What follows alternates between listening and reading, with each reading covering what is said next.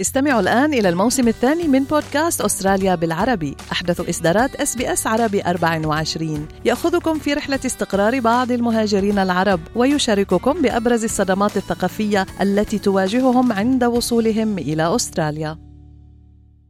أنتم برفقة SBS عربي 24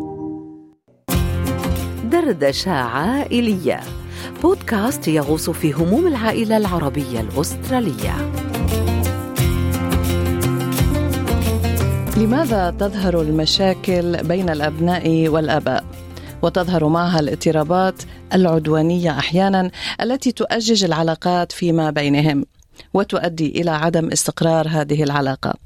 هل السبب هو في الأسلوب أو في اختلاف الأفكار ما بين الأجيال؟ كيف يمكن تجنب هذه الخلافات؟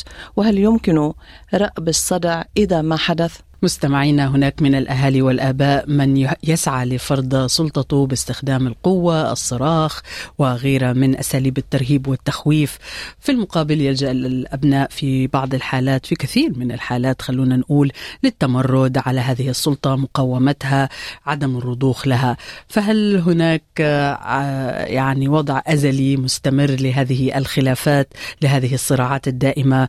آه، في وقت يجب أن تكون فيه العلاقة بين الأهل والآباء مبنية على الحب والاحترام والتقدير. أهلا بكم مستمعينا في بودكاست دردشة عائلية هذا الأسبوع. معكم في هذا المساء إيمان ريمان. وأنا هناء ياسين وتنضم إلينا المعالجة النفسية وأخصائية العلاقات الأسرية ريهام أبو سنة.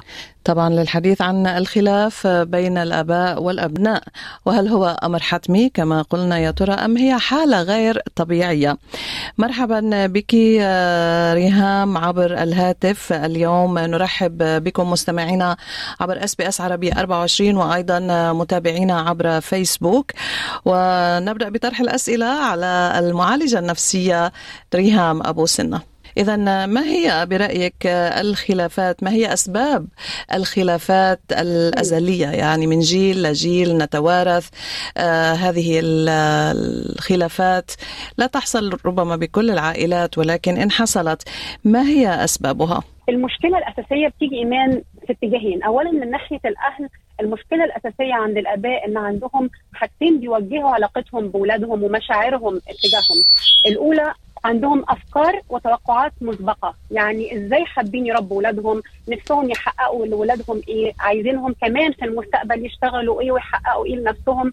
حتى جزء من أحلام الأهل اللي ما قدروش يحققوهم بيتوقعوا إن هم يعوضوا ده لاولادهم تحت بند إنه أنا نفسي أحقق اللي أنا ما قدرتش أحققه لنفسي لنفسي والإمكانيات كلها تحت أمركم خصوصا في أستراليا. أنت عندك كل اللي ما كانش عندنا. إحنا اتولدنا في حرب مثلا انت مش متولد في حرب. أنت مولود في مكان فيه كل الإمكانيات وعندك الأمن والأمان. جو اهيد وحقق ال ال حقق لسه التوقعات دي. والأمر الثاني إن عندهم مخاوف. مخاوف حقيقية اللي هي الاختلاف الثقافة البيئة حقيقة المجتمع الأسترالي وإن هو مجتمع بيختلف تماما عن عاداتنا وسلوكنا إحنا كعرب وثقافتنا العربية وفي مخاوف وهمية الآباء ممكن يكونوا بياخدوها بشكل كبير من الميديا أو من استيراد لمشاكل الآخر وبيسمعوا مشاكل العائلات الأخرى اللي هي مش موجودة فعليا في البيت. يبقى ده أول بند عند الأهل التوقعات المسبقة والمخاوف. بينما الأبناء عندهم احتياجات يعني هو محتاج يتحب. محتاج يحس بالاحترام محتاج يحس بالإنجاز. المشكلة الأزلية بين التوقعات اللي عند الأهل بينما الأبناء مولودين باحتياجات محتاجين يشبعوا هذه الاحتياجات علشان يبدأوا يكبروا بطريقة مستقرة وآمنة. لما بيحصل الصدام هو الصدام مش بيحصل بيني وبين ابني الصدام بيحصل بين توقعات الآباء واللسته المسبقة واحتياجات الأبناء اللي هم كده كده محتاجين يقابلوا هذه الاحتياجات ويشبعوها علشان يكبروا. وهنا بيبتدي يحصل الصراع بين المستمر خلينا نقول بين التوقعات والاحتياجات. آه إذا سألنا أي أب أي أم آه هل بتحبوا أولادكم؟ الإجابة الطبيعية المباشرة السريعة طبعا أكيد. لكن إذا. سألناهم بتفهموا أولادكم بتفهموا عليهم بتعرفوا إيش اللي بيدور براسهم بتعرفوا إيش هي أحلامهم بتتفهموهم. الإجابة في بعض الأحيان قد تكون لا وفي بعض الأحيان حتى قد تكون صادمة أنه أولادي يعني أكيد فاهمهم لكن الواقع بيكون شيء مختلف. فلماذا لا يفهم الأهل أبنائهم؟ في فرق كبير هناء بين الانصات الحاجة إلى الانصات وإنه آه، آه، إحنا من وجهة نظرنا كآباء وجهة نظر الأب ان هو أنا عارف أنا أكبر منك أنا عارف أكتر منك. أنا عندي خبرة في الحياة أنا اتربيت زي ما أهلي ربوني فأنا عارف أنت محتاج إيه. فبدل من إنه الأهل يديروا حوار علشان يفهم ويتفهم ابنه محتاج إيه ويسمعه في حوار مفتوح لا هو بيفرض عليه مثلا جزء من من من عقيدته هو من قناعاته هو. أنا فاهم أنا عارف أنا خلاص أنا أنا كبير وعندي خبرة كفاية أقدر أقول لك أنت ممكن تكون محتاج إيه. في بحث مهم جدا اتعمل في آخر عشر سنين آآ آآ على تربية الأبناء لقوا أن الاحتياج الأكبر للأبناء دلوقتي حاجة إلى الإنصات. الإنصات يعني أقعد عيني في عين ابني أنا قاعدة بسمعه أنا قاعدة بسأله أنت محتاج إيه؟ طب محتاج تتحب إزاي؟ طيب تحب أهتم بيك في الدراسة أقدم لك إيه؟ بحيث إن أنا أبتدي أسأل أسئلة مفتوحة علشان أسمع هو محتاج إيه زائد إن أنا محتاج يكون عندي وعي وإلمام بالإحتياجات ال ال الأساسية الإنسانية.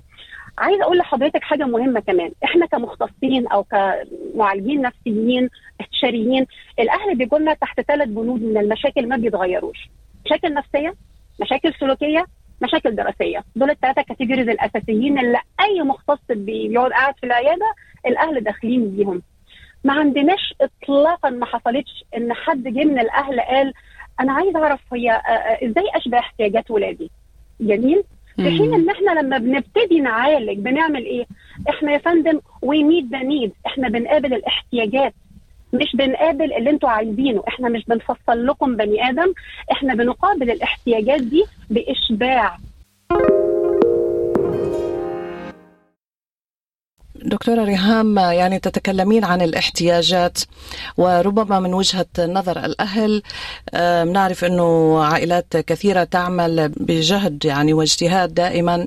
فربما يعتقدون أن الاحتياجات يؤمنونها لأبنائهم مثلا مثل المسكن الملبس المشاوير. ف كأهل. يعني ذكرتي بالأول أنه في احتياجات أخرى لدى الأبناء. فهذه الاحتياجات المادية لنقول اللي الأهل يعني فعلا بيتعبوا جهدهم تيأمنوها. صحيح. ألا تكفي يعني ما الأبناء كيف لازم يعرفوا أنه كمان من وجهة نظر الأهل أنه نحن نقوم بكل ما باستطاعتنا لجعلكم سعداء بهالحياة وتكون العلاقة بيننا وبينكم جيدة. يعني في هون جحد ربما من قبل الأبناء أحيانا؟ لا خليني أقول لحضرتك ال ال ال الاختلاف فين. الاختلاف أنه صحيح في احتياجات مادية لكن كمان في احتياجات نفسية. الحاجة للأمان ما بنشتريهوش بالفلوس. الحاجة للحب. ما بنعرفش نروح نشتري من السوبر ماركت لأولادنا. بنحتاج نعمل لهم إشباع داخلي بلغة التفاهم والحوار بيني وبين ولادي. صحيح بامن لهم الماديات لكن تعالي نتفق يا إيمان إنه كم من الأهل عندهم إمكانيات كثيره ومادية و physical بس الاحتياجات النفسية فقيرة جدا والمشاكل كبيرة في البيت ده. لأنه أنا وفرت الإمكانيات على اعتبار إن هي الأساس ال foundation مش الماديات. ال foundation ممكن تكون بقلة الإمكانيات لكن أنا على الأقل مشبعه الاحتياجات النفسية. والمثل الشهير اللي بنقوله إنه مش كل غني سعيد. الغنى مش بالمال الغنى إن أنا أقابل غنى نفسي أخليه عنده ثراء نفسي أفهم احتياجات ابني إيه وابتدي أشبع الاحتياجات النفسية مع اللي تقدر عليه من الاحتياجات المادية على فكرة. يعني يعني مش شرط. ومن هنا بتظهر بقى إن الولاد عايزين احتياجاتهم وبتظهر الخلافات والغضب والعصبية ويبتدي البيت يتحول ل ل يعني لحلقة غير منتهية من الخلاف والصراخ والعصبية وأحيانا الغضب الغير منتهي. لكن هو مش جحود الحقيقة. كيف نجعل الغضب والعنف أحيانا بعيد عن خلافاتنا مع أبنائنا؟ نتحدث في هذه الحلقة مستمعينا عن الأبناء اللي ما زالوا في المنزل في فترة المراهقة تقريبا أو ربما أقل قليلا أو أكبر، لسه ما بدينا للخلافات المتشابكة المتعمقة يمكن مع الأبناء البالغين، لكن في هذه الحلقة كما ذكرنا مع المراهقين، الخلاف عندما دائما يكون حول الدراسة مثلا، حول يعني قضاء الوقت مع الأصدقاء آه، يا ابني اقعد يا ابني ادرس لا تروح مع هدول أيوة. الناس. كل هذه الأمور كيف نج... نتجنب حالة الغضب حالة الخلاف الصراخ واستخدام أساليب الترهيب اللي للأسف البعض بيلجأ لها لإنهاء هذا الخلاف. عايزين نفرق بين حاجتين مهمين قوي هنا. في فرق بين الغضب والعصبية. الغضب مشاعر العصبية سلوك عشان الخلط بيحصل هنا. يعني كلنا بنغضب لكن السلوك اللي بتصرف بيه بناء على الغضب هو عبارة عن تعود واستمرار وإن أنا بختار بدليل ممكن تغضبي في البيت مع ابنك الصغير فتزعق في ناس بقى بتزعق وتضرب بتقول لي بيوصلوني لمرحلة بفقد أعصابي فببتدي أكسر أو أضرب أو أهين أو. كذا لكن نفس الشخص ده لو سألتها بتعملي إيه لما تغضبي من المدير في الشغل أو من مديرتك. طريقة أخرى للتعامل.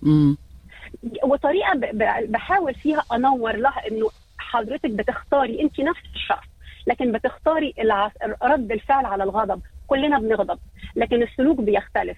بمعنى انه آه، حضرتك مش هت... مش هتغضبي و... وتتعصبي من المديرة فمش هنشوف حلقة توم جيري خالص. لكن في البيت ده ممكن يحصل لأن أنا اتعودت إن أنا ابني ملكيتي. في ناس كتير بتتعامل مع الأبناء كأنهم اي اون ذم دول بتوعي. وأسهل علاقة تختاريها إنك تملكيها. دي أكتر علاقة دي أكتر علاقة تتخسر يعني. ولذلك زي ما حضرتك قلتي إزاي أقدر أدير مشاعر الغضب؟ إنما العلم بالتعلم. وزي ما عملت عادة اسمها عصبية وسلوك وصراخ أنا محتاجة أتعلم أهدي نفسي.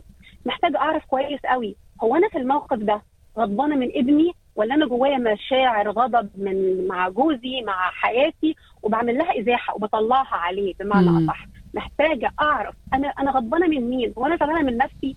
زعلانة على نفسي؟ ولا في موقف فعلا مجرد ما طلع بيني وبين ابني ما عملش الواجب مثلا وكأن الطفل مشروع آه، آه، مشروع طالب مش مشروع إنسان.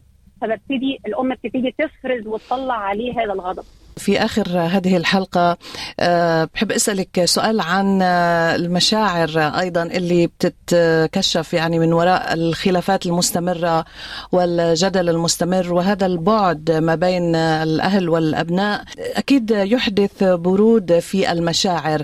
آه، التجمد بالمشاعر هيدا يمكن بيكون ال- الكابوس اللي لدى كل أهل. فعندما تتجمد المشاعر أو يصبح هناك عدم ثقة متبادلة بين الأهل هل يمكن رأب الصدع؟ هل يمكن تصحيح العلاقة؟ جميل جميل السؤال يا ايمان طبعا ممكن آه، أول حاجة إزاي نكسر كرة الثلج خلينا نقول إزاي نكسر الحاجز اللي حصل لأنه خلاص في اعتمدنا أسلوب في التعامل بقى الكل يستعمله كبير وصغير. إزاي أكسرها؟ إزاي أكسر العادة؟ في حاجة اسمها recovery conversation أو الحوار اللي بيعالج الحدث. بنقعد مع بعض وما بنقعدش في البيت. أنا عمري ما بنصح ال recovery conversation في نفس البيئة اللي حصل فيها الخلاف. بنقعد بره البيت زي ما أكون قاعدة مع صاحبتي أو مع حد بحبه بستقبله في مكان مفتوح. وببتدي أعمل معاهم اتفاق جديد. وابتدي بنفسي لو أنا حاسة إن أنا محتاجة طبعا طبعا الأهل اللي بيبتدوا من وجهة نظري دايما دايما. لأن أنا اللي محتاجة أنا الراعي. أنا مش مجرد مربي. أي حد يقدر يربي أي حاجة. قطة آه، زرع. لكن الراعي دور واعي. أنا محتاجة أقعد مع الولاد وأعمل اتفاق تاني. إحنا محتاجين نبتدي من دلوقتي نصلح العلاقة بيننا وبين بعض. محتاجين نفهم بعض. محتاجة أسمعك. قول لي أنت محتاج إيه؟ وأنا اوريدي قعدت وعملت شوية واجب كأب أو أم وعرفت احتياجاتهم. أنا من دلوقتي هسمعكم. إيه رأيك في إن إحنا نبتدي علاقة جديدة؟ قول لي تحب أهتم بيك الفترة اللي جاية إزاي؟ وبالمثل أنا هدي ابني مفتاحي. أقول له أنا إمتى هتعرف تكلمني وإمتى ما تعرفش تكلمني؟ تعالى نستعمل sign مثلا لما نكون متضايقين ولتكن time out ولتكن pause the button ولتكن إن أنا أنسحب. تعالى نستعمل sign في البيت كده بيننا وبين بعض في الحوار. لما تكون مش قادر أو عصبي step back بس أنا ببقى عارفة خلاص اعتمدنا إنه ده ضمن الحوار إنه أنا اعرف أنسحب وإحنا محترمين الحدود اللي بيننا وبين بعض. الأهل محتاجين يعرفوا حاجة مهمة يا ايمان قبل ما أختم مع حضراتكم النهارده. الإهانة للأسف بتضعف شخصية الطفل مش بس بتدمر العلاقة. الزوجة اللي بتتهان في بيت جوزها أو بتتعرض للعنف في بيت جوزها هي نفسها البنت الصغيرة اللي اتربت على العنف والإهانة في بيت أهلها. الراجل ضعيف الشخصية يا فندم اللي بيتهان من مراته أو ولاده. هو نفسه اللي كانوا أهله بيهنوه وبيحسسوه إن هو ضعيف ملوش ملوش رأي ولا قرار. يمكن ده اللي بيخلي إنه الأهل يتحركوا شوية زيادة إنه دوت اعمل اتفاق إنه ال- ال- الأولاد إضافة وبصمة ما همش استنساخ تربوي. أنا محتاجة أخليه نفسه من خلال إن أنا أفهمه وأسمعه وأطلع جمال آخر للمجتمع اسمه إنسان مشروع إنسان كامل وإن هم جايين الدنيا ليهم رسالة وهدف زيي بالظبط. جايين يحققوا أحلامهم هم وي- ويقابلوا احتياجاتهم مش يحققوا أحلامي أو يصلحوا أخطائي أو يعيشوا حياتي اللي أنا ما عشتهاش. كلام جميل جدا عزيزتي. يعني الطفل مشروع إنسان ليس مشروع طالب ليس استثمار للأهل وليس مرآة لأحلامهم ولا تعويض عما فاتهم. شكرا على هذه الحلقة الجميلة من دردشة عائلية المعالجة النفسية والمستشارة في العلاقات الأسرية ريهام أبو سنة. بشكركم جدا. استمعوا الآن إلى الموسم الثاني من بودكاست أستراليا بالعربي. أحدث إصدارات SBS عربي 24 يأخذكم في رحلة استقرار بعض المهاجرين العرب ويشارككم بأبرز الصدمات الثقافية التي تواجههم عند وصولهم إلى أستراليا.